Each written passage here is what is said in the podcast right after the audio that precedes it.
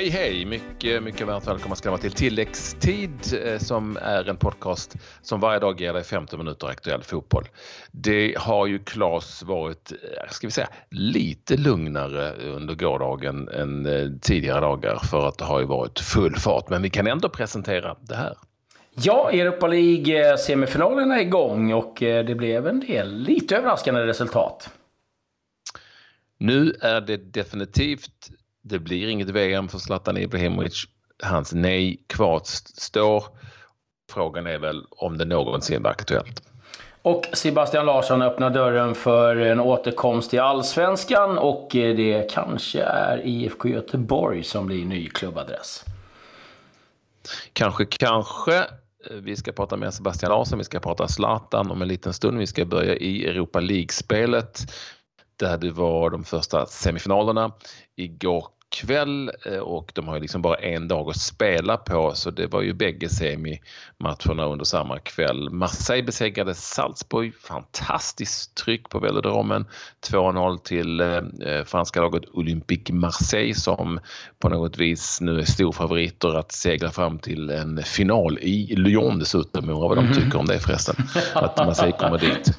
Eh, och Njeko gjorde, bägge, gjorde målen för eh, Marseille Retur, alltså i Österrike, om en vecka. Men den match som det riktade störst intresse gentemot var eh, självklart den i London där Arsenal tog emot Atletico Madrid.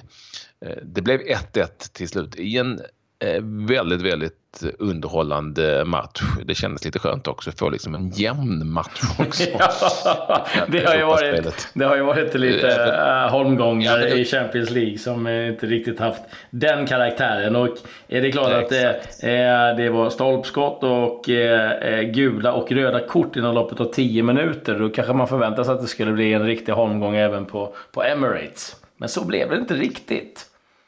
Oh, jo, alltså, nej, inte riktigt. Det var efter de här eh, första gula på eh, Vesalco som gav eh, ett rött kort i den eh, tionde, elfte minuten eh, så blev den rätt så halvjobbig första halvlek där bägge lagen sprang och, och eh, spelade lite över och kastade sig väldigt mycket och, och, och det var irriterat mot domaren som jag måste säga var relativt eh, han var relativt eh, osäker. Han gjorde ett osäkert intryck. Även om man inte kan säga så mycket om de här gula korten egentligen. Det var lite klumpigt i bägge situationerna.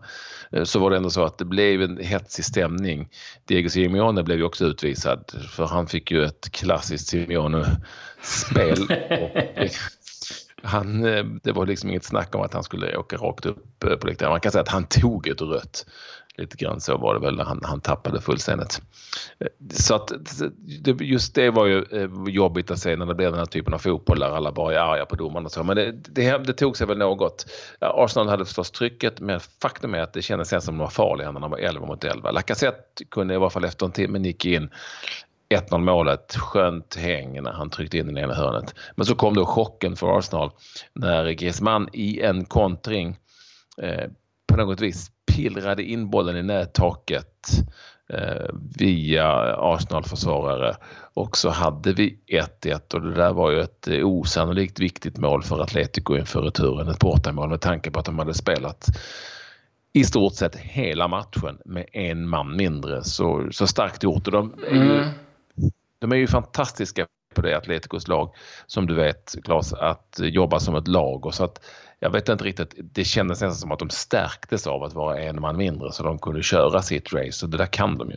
Ja, det är, det är ett defensivt lag som Simeone liksom, eh, har drillat. Eller defensivt, de, de är, det är ett hårt arbetande lag. De, de gör det de ska. Det är kanske inte alltid så eh, jäkla roligt att titta på. Eh, men du vet att du får en arbetsinsats rakt igenom. Däremot så har det ju, har det ju hackat en del. Det, det ska man vara klar över. Man har inte haft någon lysande form in, in till, liksom, till den här matchen. Och det har väl kanske inte Arsenal heller haft. Eh, jag tror att man från Arsenal-håll kanske hade hoppats lite mer på av, eh, vad ska vi säga, Wenger-effekten av att liksom, spelarna nu ska vi liksom hjälpa Wenger att, eh, att, att, att liksom, få ett snyggt avsked genom att vinna Europa League. Och, ehm, det finns ju alla möjligheter fortfarande. Det, det är ett 1-1 läge, men är Arsenal ett bortamål så är ju läget eh, genast prekärt då för Atletico som jag tycker kanske inte är så här superbra när de måste gå framåt. Men eh, nu måste ju Arsenal gå framåt för de kan inte spela 0-0 heller. Så det blir en eh, jäkligt intressant eh, retur. Vad det gäller den andra matchen så tror jag det där är klart. Det, det Salzburg vänder inte det. Jag har, jag har extremt svårt. De gjorde i och för sig ja, var det tre mål på, på fyra minuter mot Lazio. Så att, eh, ska vi inte räkna av dem helt, men eh, jag har svårt att se att de, de löser det där. Så att, eh, Ja, det, det blir spännande turer nästa vecka eh, faktiskt. Och eh, se om eh, de kan studsa tillbaka Arsenal eller det blir Simeone och Atletico som eh, drar det längsta strået. De har ju en historik av att vara bra i Europa League, Atletico. Så att, eh, det finns nog alla mm. möjligheter där. En intressant iakttagelse eh, var att Wenger gjorde inte ett enda byte. Lite som det kunde vara på 80-talet i Sverige när man engelsmännen kom, engelska tränare och de gjorde sällan några byten. Inte ett enda byte gjorde han. och då hade ändå eh, Atletico en spelare utvisad efter 10 minuter. Men han bytte ingen. Det är lite, då, lite special. Då är man fan inte nöjd om man sitter på bänken. Man, Nej. Då, då, då, då, känner man sig inte särskilt het. Eh, det, det kan man ju lugnt konstatera. Men eh, ja, vi vet ju att eh, Roy Hodgson, han har ju inte gjort ett byte i stort sett sedan han tog över Crystal Palace. Men ja, ja i Vårby, ja, vi kan ju säga det, det var ju inte en bänk som gjorde att man, att man skakade heller. Holding, Chambers, Kolasinac, Iwobi, Maitland Niles och eh, Enketia. Ja, jag kanske kan förstå att han inte liksom eh, eh, vädrade den här bänken helt. Eh, övriga resultat är ganska dåligt med matcher som har spelats. Vi har haft en match i damallsvenskan. Rosengård-Eskilstuna United. Det var en spännande tillställning. Det slutade 9-0 till, eh, till Rosengård. Eh, där gjorde Eh, vad heter hon? Nu ska du se. Eh, Mittag, fyra mål. 9-0. Mm. Ja, det var 2-0 efter två, fyra minuter. Så att eh, de får bita okay. ihop Eskilstuna. Helt enkelt. Okay. Men lite andra nyheter och det som har toppat givetvis... Ja, men vi har ju ett par, vi har ett par matcher till. För ja, du har hittat dem. Eh, med, absolut, du rusar iväg lite grann nu i klubben. Jag kan ju nästan förstå det. Det är ju eh, har ju varit så att vi har fått ytterligare svenskar till eh, finalen i, cupfinalen i Danmark. Där ju eh, mm. Silkeborg kvalificerade sig i förrgår och igår så blev Brönnby klart till final. Jäklar, det går bra för Brönnby nu alltså.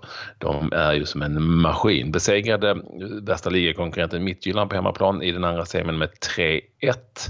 Eh, både Eh, Johan Larsson och Simon Tibbling spelade från start. Kamil Wilczek som är glödhet eh, gjorde två mål för eh, Brönnby. Teemu Pukki gjorde det tredje och Brönnby alltså i final. En final som de faktiskt vann förra året när de besegrade väl FCK tror jag i finalen där. Mm, de är på väg mot en dubbel. Ja, de kan vara på väg mot en, definitivt mot en dubbel. I Norge har det spelats en supercup trots att ligan redan är igång. Det är ju lite special, det är ju normen trots allt.